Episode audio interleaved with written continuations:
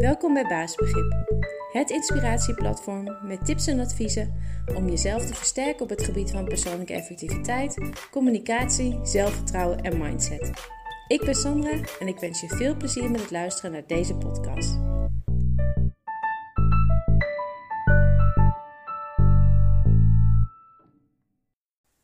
En in deze podcast krijg je een tip uh, over hoe je werkdruk of gevoel van hoge werkdruk kan verminderen, namelijk door vooruit te plannen. Uh, het klinkt heel simpel en eigenlijk is het dat ook, maar het, uh, het scheelt wel heel veel. Want veel mensen tegenwoordig die geven aan dat ze last hebben van een gevoel van hoge werkdruk. En dat kan allerlei oorzaken hebben. Dus je moet natuurlijk sowieso eerst even voor jezelf goed analyseren ehm, hoe dat bij jou ehm, komt, dat je dat gevoel hebt. Maar ongeacht de oorzaak heb ik zelf gemerkt dat je dit onder andere kan voorkomen en verminderen door gewoon goed vooruit te plannen. Want dat geeft je namelijk een gevoel van controle en overzicht.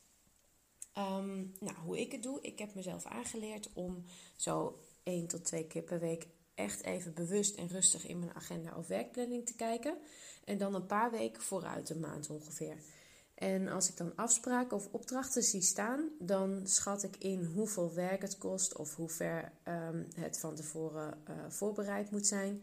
dat, dat laatste kan bijvoorbeeld bepaald worden door uh, of je nog iets moet uitzoeken met betrekking tot de opdracht, of dat je nog moet overleggen met een ander. Um, in ieder geval, als ik hier dan een soort totaalinschatting van heb, dan reken ik terug en dan plan ik in wanneer ik dus moet starten met bijvoorbeeld de voorbereiding of de uitwerking. Um, dat kan natuurlijk per agenda-item verschillen. Als ik bijvoorbeeld een vergadering heb, dan kan het lezen van de notulen um, van de vorige keer bijvoorbeeld gewoon de dag ervoor. Maar als ik zie dat ik een uh, presentatie moet geven ergens, ja, dan moet ik gewoon goed bedenken hoeveel tijd die voorbereiding me nog kost.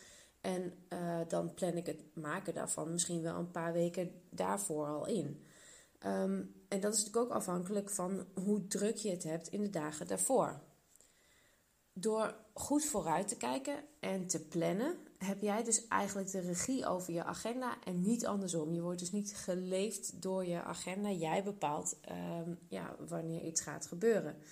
Um, daardoor word je gewoon niet plotseling ook verrast door iets wat je moet doen. Daarnaast zie een voorbereiding voor iets ook als een afspraak of een uh, item voor je agenda om in te plannen. Um, en dat maakt dat je uh, jezelf gewoon niet te vol plant met allerlei afspraken en hou je dus tijd eigenlijk voor die voorbereiding. Um, alles tezamen geeft gewoon een gevoel van overzicht en controle.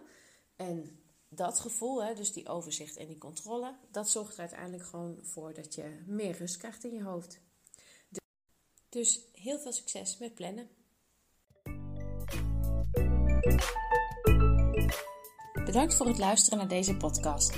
Ik hoop dat je het leuk en nuttig vond en dat je de tips kan toepassen op jouw manier. Heb je vragen? Stuur dan een mail naar info.baasbegrip.nl of neem een kijkje op de site www.baasbegrip.nl. Tot de volgende podcast.